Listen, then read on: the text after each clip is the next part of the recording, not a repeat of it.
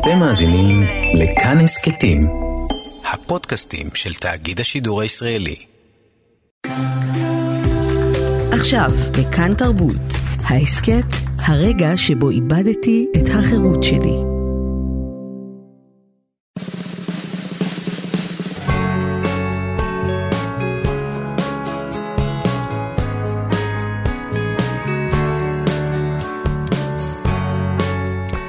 חג שמח לכם, אתם איתנו שוב בכאן תרבות עם החלק השני של התוכנית הרגע שבו איבדתי את החירות שלי, תוכנית שבה אני אשוחח עם סופרים, שחקנים, זמרים ואנשי רוח, שיספרו לי על הרגע שבו הם איבדו את החירות שלהם וגם על הרגע שבו הם זכו בה בחזרה.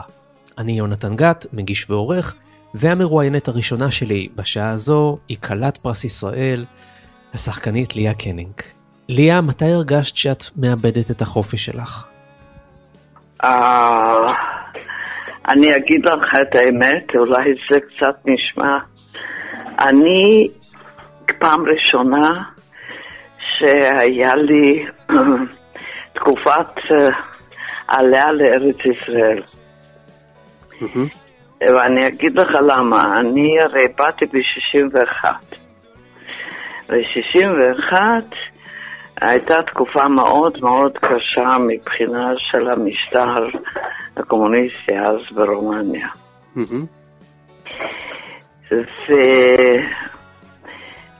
ועל זה שאני ובעלי והוריי ואימי וזה נרשמנו לעלות, כן. זרקו אותנו מהתיאטרון ב-24 שעות. וזו הייתה תקופה מאוד מאוד קשה.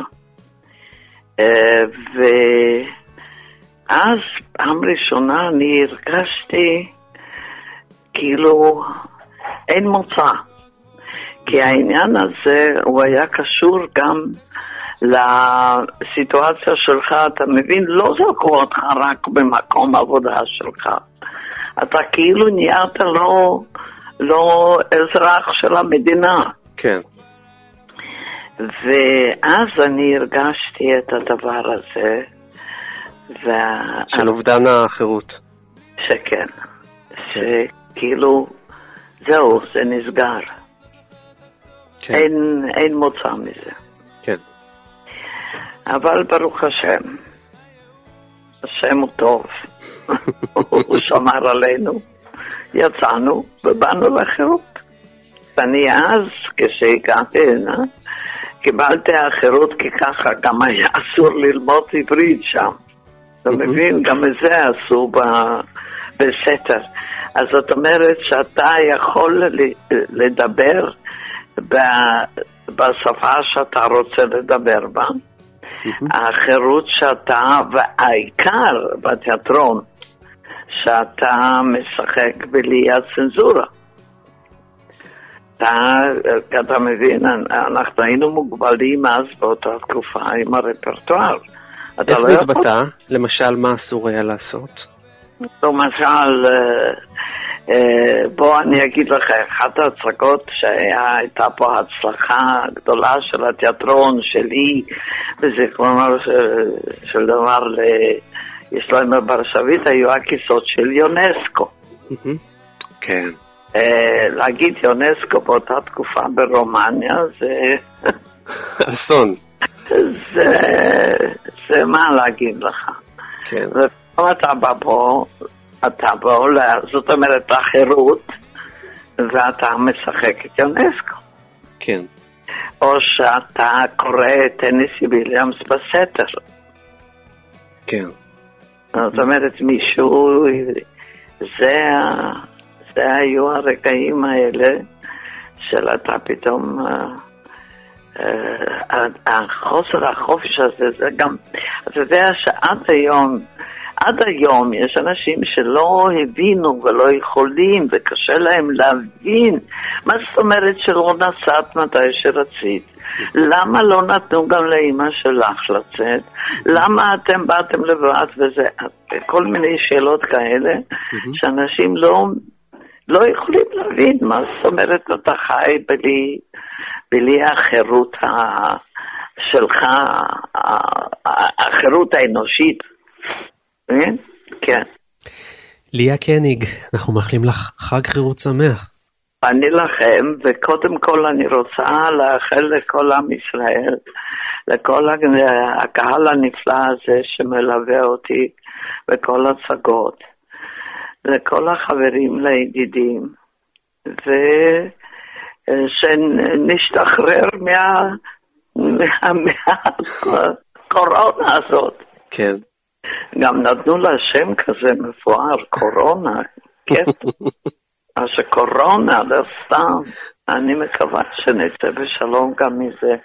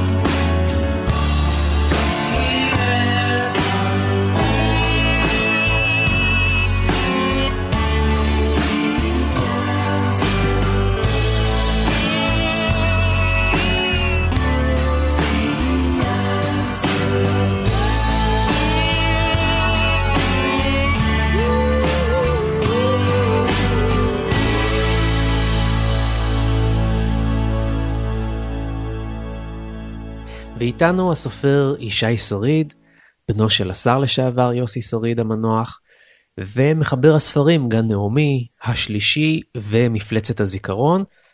ישי, מתי הגעת לתובנה שאתה מאבד משהו מהחופש שלך? תראה, אני מגיל די צעיר מודע לעובדה שבניגוד לאמרה המפורסמת של רוסו, שהאדם נולד חופשי, הוא בעצם לא כך נולד חופשי. כי אנחנו, אה, אפילו התינוק הוא זקוק לאוכל, לחלב של אימא שלו, לאימא שלו, ולחברה שתגונן עליו, ככה שאנחנו אף פעם לא ממש חופשיים. אבל הילדות שלי הייתה ילדות אה, טובה וחופשייה, אתה יודע, ילדות של פעם. אני חושב שאז הייתי מאוד חופשי. כן. Uh, התחושה של היעדר חופש, אני חושב, נחתה עליי uh, חזק מאוד בתחילת בית ספר תיכון, פתאום עם ציונים, ועם... Uh, כי בית הספר שלמדתי בו, א' ד' גורדון, בית הספר היסודי היה בית ספר מאוד ליברלי ופתוח ונעים, ופתאום בתיכון נפל, נפל עליי כל הכובד הזה. Uh, אחרי זה כמובן בצבא, תשמע, יום הגיוס לצבא, אני חושב, כולנו זוכרים אותו. אצלי זה היה אוטובוס למחנה 80, וברגע שירדנו, אה, השר שם אמר לנו להתחיל, אה, פקד עלינו להתחיל לרוץ עם הקיטבגים מסביב למגרש המסדרים, לחוויות שזוכרים.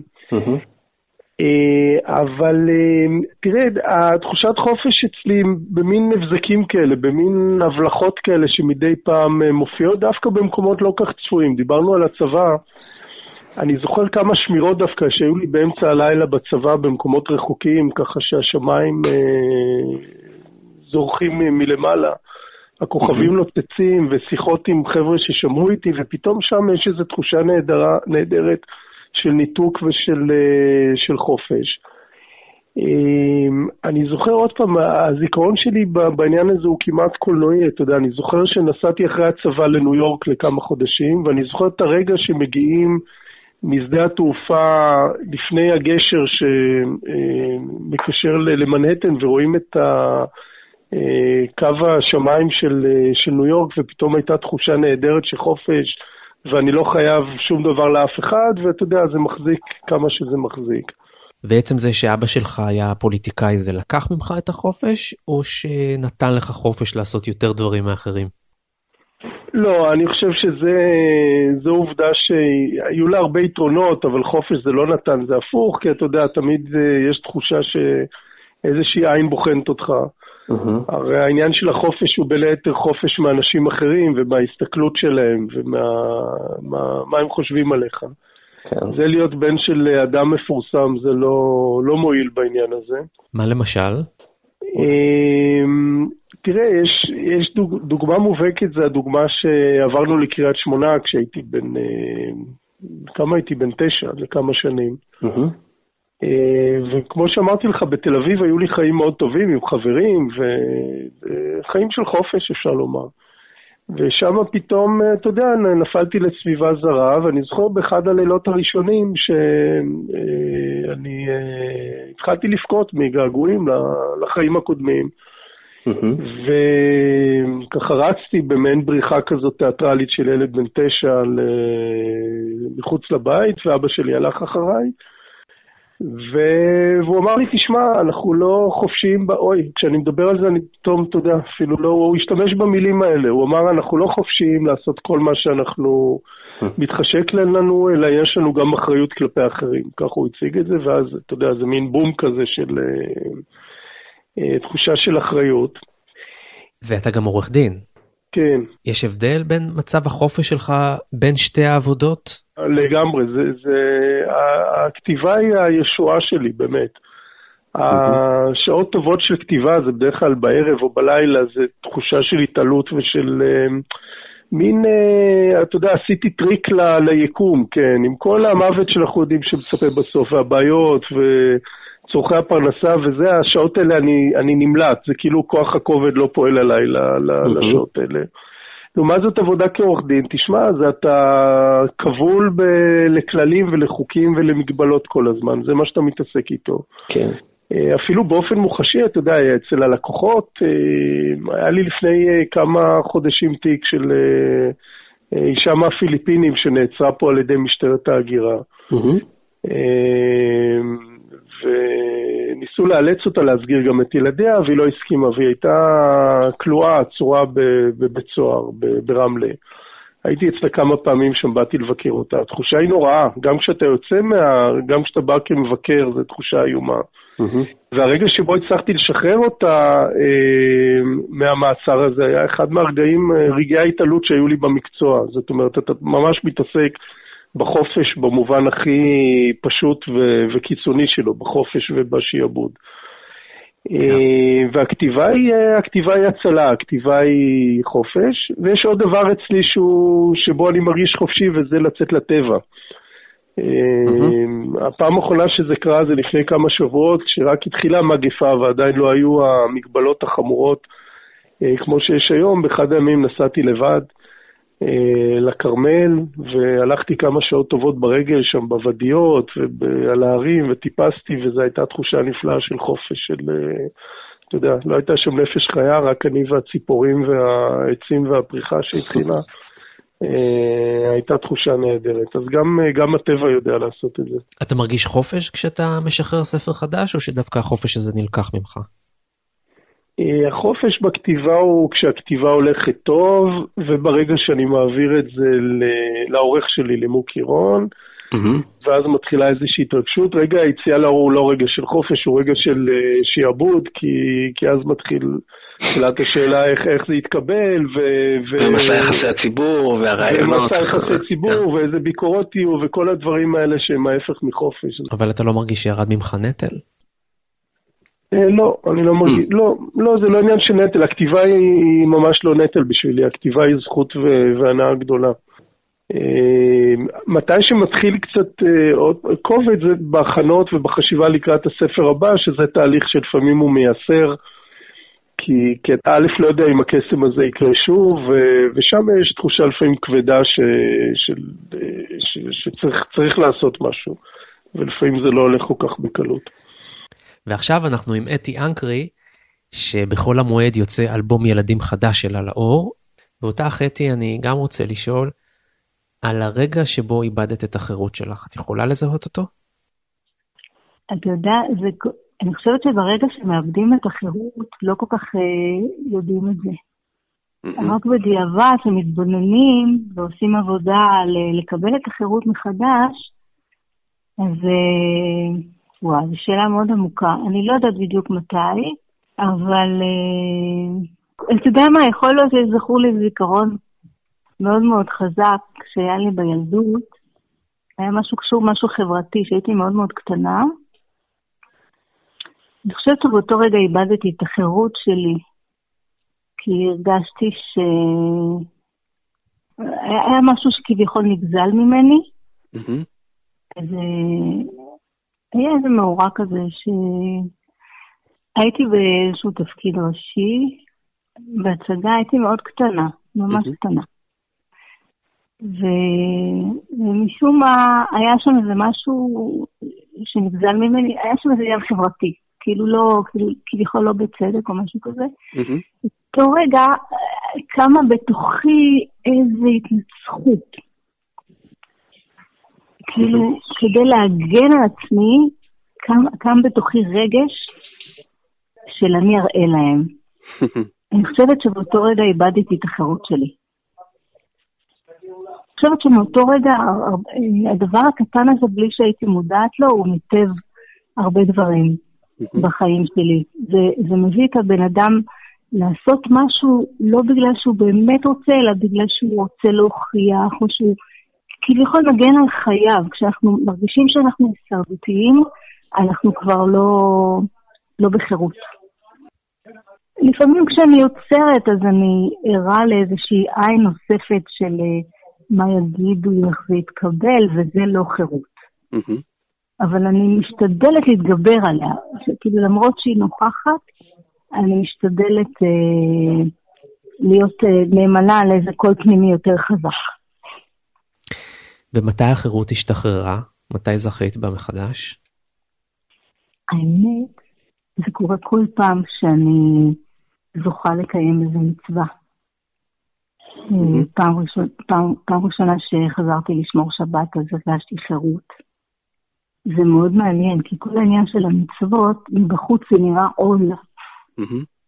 אבל אה, אפילו כשלקחתי על עצמי להפסיק לשיר מול קהל מעורב, זה היה, זו הייתה בחירה שהיה בה מאמץ, אבל ברגע שהסכמתי לזה מבפנים, זה הכל היה שיח שלי פנימי, לא שיח חיצוני.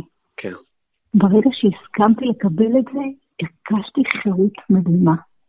וזה דבר שתמיד מדהים אותי, שנראה כאילו המצוות, לפני שעושים אותן, זה נראה עול נוראי, כאילו מישהו הולך לכפות עליי משהו.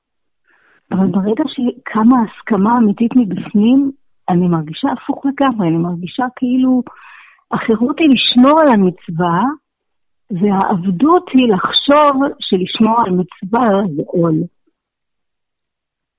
זה, זה, זה מאוד פסיכולוגי כזה, שקשה להבין אותו אם לא נמצאים שם בפנים.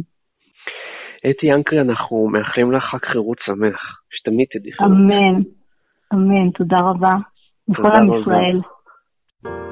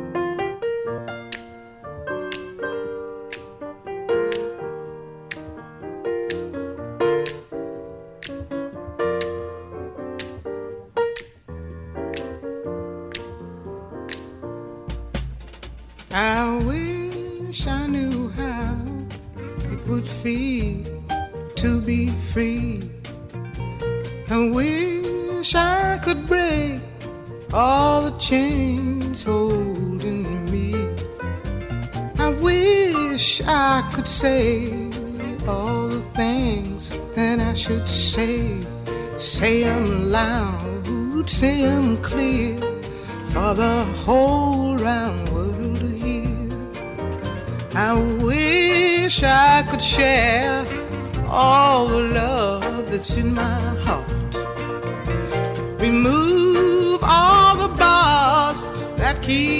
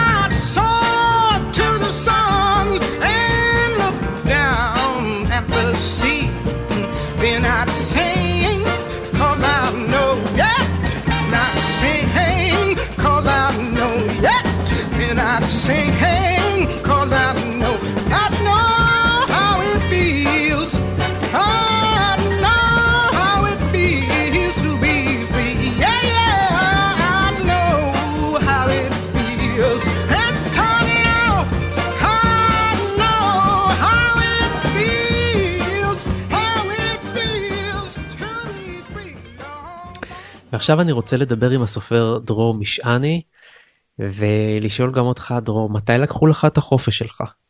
אני חושב שהרגשתי, שהרגשתי את זה המון פעמים, אני חושב שזה משהו שאני עדיין מרגיש, נראה לי ש... לא לוקחים לך את החירות פעם אחת וגם לא מחזירים לך אותה, או אתה לא זוכה בה. אבל פעם אחת, פעם אחת אה, שנדמה לי שהיה דרמטי במיוחד, היה כשהתגייסתי, אני חושב. נדמה לי שה... משהו שהבנתי רק בדיעבד, הרגע הזה של גיל 18 זה רפי מרד הנעורים. אתה, אתה בטוח שאתה מעצב את עצמך ואת חייך כמו שאתה רוצה. אה, דקה לפני שהתגייסת אתה, אתה שומע איזה מוזיקה שבא לך, ואתה מתלבש איך שאתה רוצה, ואף אחד לא יגיד לך מה לעשות, ושנייה אחר כך אתה פתאום אה, בתוך מסגרת צבאית שמכתיבה לך לגמרי מתי אתה קם ומה אתה עושה, ואיך אתה נראה, ואיפה, איך תנהל את חייך בשלוש השנים הקרובות. Mm-hmm. וזה היה רגע מאוד מאוד מאוד קשה, לגמרי. ומתי החירות חזרה? בשחרור? לא, לא, אני חושב, לא, אני חושב ש... אני חושב שהרבה אחרי השחרור עוד אני הייתי... הייתי... כלוא זו אולי מילה מוגזמת, אבל הייתי, אתה יודע, לא משוחרר, בוא נאמר ככה. אני חושב, אני חושב שהשחרור, לפחות במקרה שלי, הביוגרפי, קשור מאוד, ושוב, אולי זה כן קשור גם לדברים ש, שהרבה מאוד צעירים עושים אחרי הצבא, קשור בנסיעה אחרי הצבא, במקרה שלי נסיעה לפריז, נסיעה שהייתה לה מטרה אה, ללמוד צרפתית, נסעתי לגור בפריז וללמוד את השפה, ואני חושב שהחירות הייתה לא, לא התרחקות, החירות היא בעצם ביכולת לרכוש שפה חדשה ואיתה מין מבט אחר על העולם. אני חושב שאחד הדברים הכי משחררים שיש בעולם זה ללמוד שפה, כי אז אתה פתאום דרך השפה הזאת רואה את כל העולם אחרת מאיך שכולם סביבך רואים אותה, אה, מאיך שלימדו אותך שצריך לראות את העולם, ובזה יש משהו נורא נורא משחרר. וכשאתה כותב ספר חדש, זה חופש, או שזה ממש הפוך? בתוך הכתיבה, בתוך הכתיבה עצמה אין שחרור. כלומר, אתה יודע מה, זה, זה כל כך מורכב. בתוך הכתיבה עצמה, מצד אחד יש שעבוד מוחלט לכתיבה, אני לגמרי תפוס בתוך הכתיבה, אם אני לא עושה את זה, אני מרגיש uh, מעונה. Uh, ומצד שני, כן, יש, יש שחרור גדול בתוך החדר. באיזשהו אופן החדר הזה, כשאתה כותב בתוכו, הוא, הוא, הוא גם הכלא שלך, אתה יודע, זה מין, אנחנו עכשיו חווים את זה כולנו, וזה שני מטר על שני מטר שאתה יושב בו מתוך בחירה, כשאתה כותב במשך ימים שלמים. ומצד שני, בתוך השני מטר, על שני מטר האלה אתה, אתה נורא חופשי, ואתה אתה פורץ את הקירות האלה נורא בקלות. כשספר יוצא זה בעיקר הקלה. אה, אני חושב, מין איזו תחושה של, אוקיי, הספר הזה, הספר הזה מאחוריי. כן. הצלחתי לעשות אותו, אחרת לא הייתי מוציא אותו, הצלחתי ככל שאני יכול לפחות לעשות אותו. אבל התחושה הזאת שעכשיו זה כבר לא בידיך, הספר כבר לא בידיך, זו תחושה של הקלה באמת, או שזו תחושה שדווקא, שאתה כבול לדעתו של הקהל עכשיו, זה כבר לא בידיך? אתה כן נורא מרגיש את עד כמה אתה תלוי במבטים אחרים, אתה יודע, אתה כן מרגיש עד כמה הערכה העצמית שלך היא לא, לא נתונה רק בידיך. נכון שזה גם טיפה משתנה עם השנים, ולא יודע מה, ספר רביעי או חמישי זה לא כמו ספר ראשון, ועדיין זה נכון, נכון מה שאתה אומר, שאתה מרגיש את התלות הזאת. ומצד שני יש גם הרבה, יש הרבה הקלה, כי לפחות במקרה שלי, כי, אני, כי הספר לא יוצא עד שאני לא מרגיש, עד שאני לא מרגיש איתו טוב, אני לא מרגיש שהצלחתי, ו, ויש מסביבי לפחות כמה אנשים שקראו וגם חשבו ככה, ו... Mm-hmm. ויש אפילו תחושה של ציפייה לפגישה הזאת של הספר עם, עם הרבה קוראים. דרור משעני, חג שמח. תודה רבה, יונתן, חג שמח. אתם איתנו בכאן תרבות, בתוכנית הרגע שבו איבדתי את החירות שלי. אני יונתן גת, ועכשיו אנחנו עם השחקנית ליאורה ריבלין, שיוצאת במופע חדש. שמן הסתם יצא אחרי שנחזור לעצמנו. אה, ליאורה, מה היחס שלך לנושא החירות? מתי הרגשת שהיא חומקת לך? כשאבא שלי מת, הייתי מאוד צעירה, הייתי בת 18, מאוד אהבתי אותו, והוא היה איש מאוד דומיננטי, אבל הייתי קשורה אליו מאוד, ובשנתיים האחרונות הוא היה מאוד חולה. באיזשהו מקום כשהוא מת, עם כל הצער, הרגשתי ש... שמשהו נפתח ככה. Mm-hmm. ולא שידעתי מה לעשות עם זה, אז התחלתי לעשן. עישנתי בשרשרת, וכאילו, ולאט לאט אה, עם הזמן הבנתי שזה חירות לא ממש אמיתית. אני חושבת לעצמי לפעמים שהייתי בן אדם שיש לו פרנסה והוא בריא והוא אוהב את העבודה שלו ויש לו ילדים ואוהב את אשתו, אז יש לו כאילו חירות, אבל חירות בשבילי, אני חושבת, היא אה, לחיות בשלום עם השדים שיש בתוכי. כי, אה, וזה אני הכי הכי מרגישה כשאני עובדת, שאיכשהו אני, הם מסתדרים לי, מסתדרים לי טוב. אה, השדים האלה יש להם חירות שיוצאת מן הכלל, ואני מודה שהם גם סוג של מנוע אה, לעבודה, ליצירה, לזה, אבל לפעמים הם, הם, הם, הם אלה שבעצם חסמו אותי גם הרבה שנים. ודווקא עם הגיל, עם השנים, אני מרגישה שיש לי חירות יותר גדולה. יותר, הרבה יותר, בעיקר אחרי שהחלמתי גם uh, מהסרטן וגיליתי שהשמיים הם גבוהים והם כחולים, וזה כאילו התחושה שלי עם, uh, לגבי חירות. וכשהודיעו לך שאת חולה בסרטן, זה היה הרגע שבו את uh, הרגשת שאת מפסידה את החירות שלך? לא, זה לא קשור, המחלה לא קשורה לחירות. אה, הרגשתי שהגוף שלי מגיב, הגוף שלי איפשהו אה, מיילל. אה, הרגשתי שכאילו, אתה יודע, שמו עליי גזר דין, ואחר כן. כך גיליתי שבתוך הגזר דין הזה יש הרבה הרבה חיים והרבה הרבה חיוביות. היו רגעים בעבודה שהרגשתי שהחירות נלקחת ממני, אה, וזה מאוד מקומם, ואתה מרגיש חסום, ושבחיים אתה לא תצליח לפתור את הדברים האלה, או, או אפילו עם פרטנר שאתה מרגיש שבאותו רגע הוא חוסם אותך והוא נוראי, ו... אבל אה, איפשהו אתה מגלה כוחות אחרים, או לפעמים גם סוג של אה, מניפולציה, ואני יכולה להגיד בסוגריים שהמניפולציות שאנחנו עושים בתוך עצמנו, הם אה, איפשהו לאפשר לנו חירות או למנוע מעצמנו חירות. Mm-hmm. בתקופה הזאת של הבידוד שהייתי בו שבועיים כי חזרתי מצרפת, אה, הרגשתי שקיבלתי חירות גדולה. שקט מבחוץ. כן, זה גם אה, נותן איזה שקט מיני, אין לי ילדים קטנים בבית, ו... ופתאום הזמן היה שלי, ואני מושכת אותו עד ארבע לפנות בוקר, ככה, את הזמן הזה, ואני ממש מתענגת, גם בינתיים זה יצא לנו בעונה נפלאה של השנה. נכון. אני מאוד מקווה שזה לא, לא יימשך לקיץ המהביל שיש כן. לנו.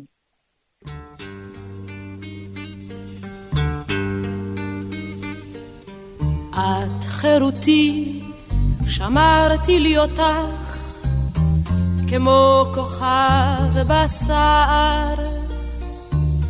את חירותי, עזרת לי לעמוד בכל כאב וצער.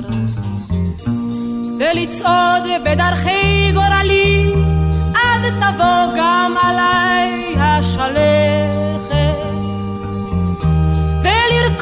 חלומות על קרני הלבנה וללכת, ללכת. את חירותי למען רצונך, את שבועותיי הפרתי.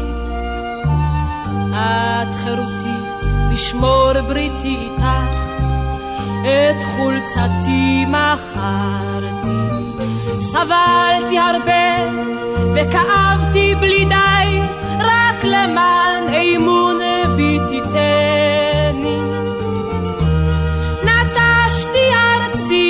וטובי ידידיי, ושלך רק הנני. את חירותי, קוראת לי לוותר על תפנוקים ונועם. את חירותי לימדת את ליבי גם בבדידות לשמוח.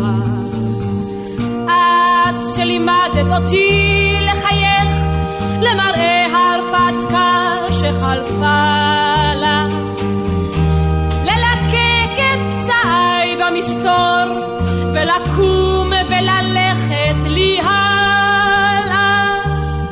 את חירותי בלילה קר אחד, הפרתי את בריתנו, כך לבדי ערקתי מהשביל, עליו פסענו שנינו.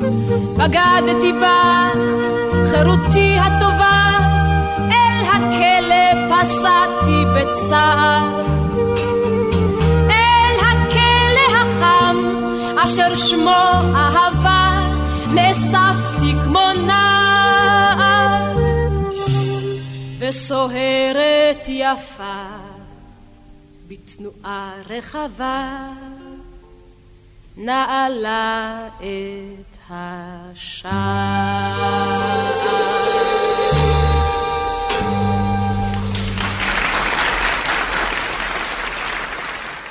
ועכשיו אנחנו עם האמן והסאטיריקן יאיר גרבוס. יאיר, מתי גזלו ממך את החירות שלך? אה, אני, אני חושב שבכל החלק הראשון שלך שהיה בנוי מלימודים, מצבא, מתנועת נוער, אה, אה, אה, הרגשתי שלא שאני חסר חירות, אני תמיד אהיה חסר חירות, אבל בדרך כלל אני אבחר למה, למה אני אהיה, עבד של מה אני אהיה, או מחויב למה אני אהיה. כל זמן שבחרו בשבילי, זה היה נורא נורא קשה.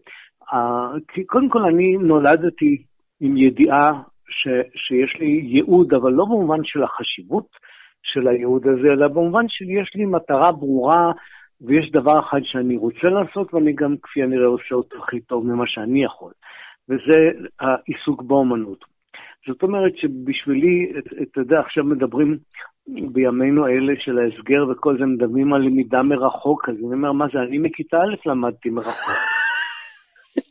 כל הזמן הייתי רחוק מבית הספר להחזיר אותי לשם. היה לי נורא קשה, אה, לא בגלל המחויבות, לא בגלל המסגרות, אני, אני לא חושב שיש מצב שהוא נעדר מחויבות או נעדר מסגרת, ויש בו ערך. אה, יכול להיות סתם אה, אנרכיה, אבל, אבל אני רציתי את המסגרת אה, שהיא אה, קשורה בעבודתי ואיך להגיד, מקומי בעולם. אפילו לימודי האומנות אה, הרגשתי לגמרי חסר חירות לגביהם, כי היה איזשהו, גם, גם שם היו חובות שלא לא נתבררו לי עד הסוף. כמובן שהקשה מכולם היה הצבא, או הרעיון הצבא, כי אני לא הספקתי הרבה לבצע מתוך הרעיון הזה. כן, כתבת בספר שלך תמיד פולני שסיימת את השירות שלך כתת טוראי. כן, לא אני ולא הצבא נהנינו מהשידוך הזה, אבל, אבל הקושי היה לא, לא במובן, אתה יודע, הפציפיסטי או, או ההתנגדות ל, ל, ל, ל, פוליטית לאיזה שהם מהלכים, זה היה לגמרי עוד הרבה הרבה לפני זה, זה, זה, זה העניין של אה, אה, המסדר נגיד. הרבה היה יותר קשה לי מאשר נגיד, הסכנה שיקרה לי משהו בצבא. אה, לעמוד, לעמוד אה, בזמנים ולעמוד בשורות ולסדר ולנקות וכל הדברים האלה. השנים האחרונות, אני מרגיש שהן שנים של חירות, אה, כי הן שנים ש... של עצמאות, זאת אומרת, הפנסיה זה כפי הנראה ראשית החירות. כשאתה גומר אה, אה, אה, להתפרנס ועדיין נכנסת משכורת לבנק, ואז אתה יכול לקום בבוקר ולשאול מה אני אקרא בבוקר, מה אני אקרא בצהריים, ומה אני אצייר כשאני כאן, ומה אני אצייר כשאני שם. יש לי כבר שלושה סטודיואים שונים, ואני בשלושתם אין כבר מקום. אז, אז זאת תחושה, תחושה נעימה היא של חירות, זה כשאני מרגיש שיש לי רעיון חדש לעבודה, שיש לי רעיון חדש למחשבה, אה, שיש לי מה, נגיד כשאני מדבר איתך, יש לי מה לספר לך. אבל, אבל אה, המסגרות החיצוניות היו במובן הזה מאוד מאוד מאוד קשות. מאוד קשות. אני גם אף פעם לא הבנתי את המשוררים, סופרים ש, שמתגעגעים אל ימי ילדותם, שמתרפקים על ילדות, הילדות שלי הייתה סבל אחד רצוף. ולסבל הזה הפתרון, זה סבל שאין לו פתרונות, אתה אומר, רע לי, או קשה לי, או נולדתי אדם חרד או אדם דיכאוני, אבל לא. ידעתי בדיוק מהו פתרון, והיום הוא מתממש, זאת אומרת שגם אפילו צדקתי. והפתרון הוא שאני צריך לקום אה, בבוקר ו, ולהתווכח עם בד או עם נייר או עם, או עם, או עם, mm-hmm. או עם מכחול, להסתייף איתם, עד, ש, עד שנראה לי שאני לא יכול לעשות יותר טוב. זאת אומרת, החירות שלי קשורה באומנות, זה נורא פשוט. ויש לך בית בגליל. אתה נוסע לשם בשביל להרגיש קצת חופש מהאורבניות? אני, אני חי לסירוגין באופן מאוד מאוד מסודר במרכז ובצפון. עכשיו אוקיי. אני חי רק בצפון כי, כי אה, אנחנו אסור בכלל, אני לא יכול לחזור לביתי שברמת גן, כי כן. זה, זה לא 100 מטר מצפת, איך שלא תמדוד את זה, אז אני לא יכול לחזור לשם. אה, אה, צפת ובידוד נראה לי שילוב יותר מוצלח מאשר רמת גן ובידוד. אז, אז, אז אנחנו פה, אנחנו מסתכלים מהחלון, רואים את ה, כל יום את הסנטימטר שהכנרת עולה, ואין לנו חירות ללכת ליהנות מזה. כן. כן, זה קשה, זה קשה. אני, אני, חושב, אני חושב שכל העולם נמצא במצב טיסה. למה? כי אני עומד באמצע הבית ואני מראה לשמאל, כאן יש דלת, מימין יש גם דלת, המסכות צונחות מלמעלה, ומתחת לכיסא יש, יש חגורת הצלה, רק אי אפשר להשתמש בכל אלה. ממש, אני מרגיש הילד בתוך הבית שלי, אני מדגים את האפשרויות, בזמן שהמטוס יתרסק, בדיוק זה מה שיעזור לי, החגורה מתחת לכיסא. האומנות שלך הולכת לקבל תפנית בעקבות האירועים האחרונים? שיעורים שלי מקבלים תפנית כמעט כל יום. אם האירוע ירצה לעשות תפנית בעקבות הציורים שלי, אני אשמח. כן. יאיר גרבוז, חג שמח. אני מאחל גם לכם חג שמח, אני מאחל לכולנו. סיימנו, זה היה החלק השני של התוכנית הרגע שבו איבדתי את החירות. אני יונתן גת, ואני מאחל לכם את כל החופש האפשרי. חג שמח. ועכשיו זה הזמן לדעת כבר מה צפוי לנו מהשמיים. האם את יודעת למה התכוונה? זאת שאמרה שהחוכמה היא כמו מים. ונדמה שנהיינו בלית ברירה יותר ויותר קרובים. אנחנו כמו זוג לאורך שדרה, פשוט הולכים והולכים. ולאור הדברים הפשוטים באמת, אנחנו חיים את חיינו. למשל, בלי הסברים, רק לקבל ולתת, זה לא קל, אבל מה יש עוד בינינו? אני נזכר לפעמים בילדות שהייתה, לפני זמן המחשב וההייטק, על פסי הרכבת, חכה לקטר, וכשהוא בא אני צועק. כן היו אלה חיים טובים. כמו שאומרים האופטימים, ולפעמים חיים מוזרים, כך אומרים. המיסטיקנים בסין, ואולי אלה חיים גדולים, הרי חיינו אותם בטירוף. תסתכלי עליי ותראי.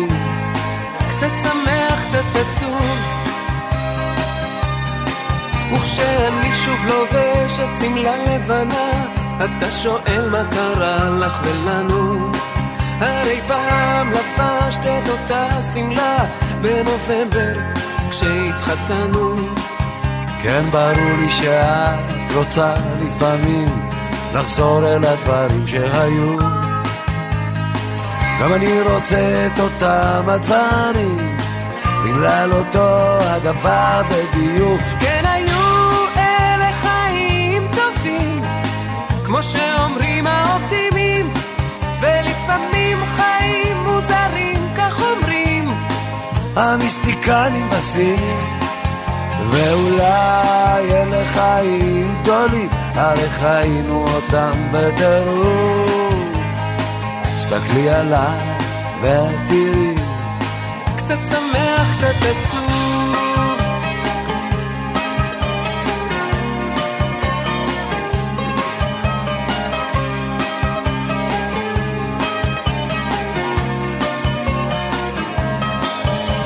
ועכשיו אל תדבר, רק תבוא אליי, בשקט בשקט בחדר.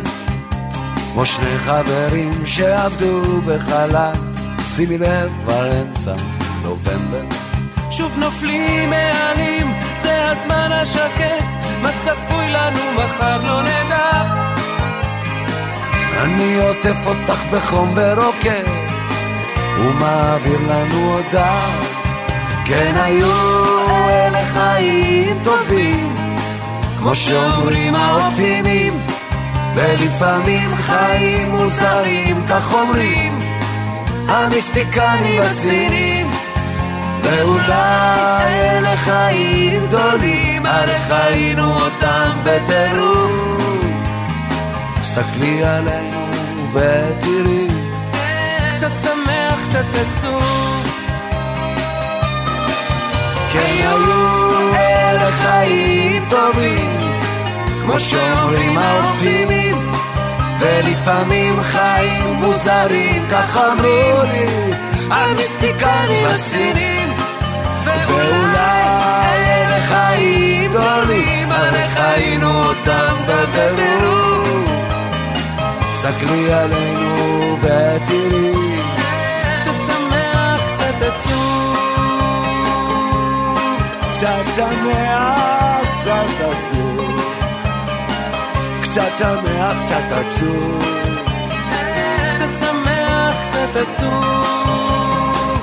קצת שמח, קצת עצוב. קצת שמח, קצת עצוב. קצת שמח, קצת עצוב. קצת שמח, קצת עצוב.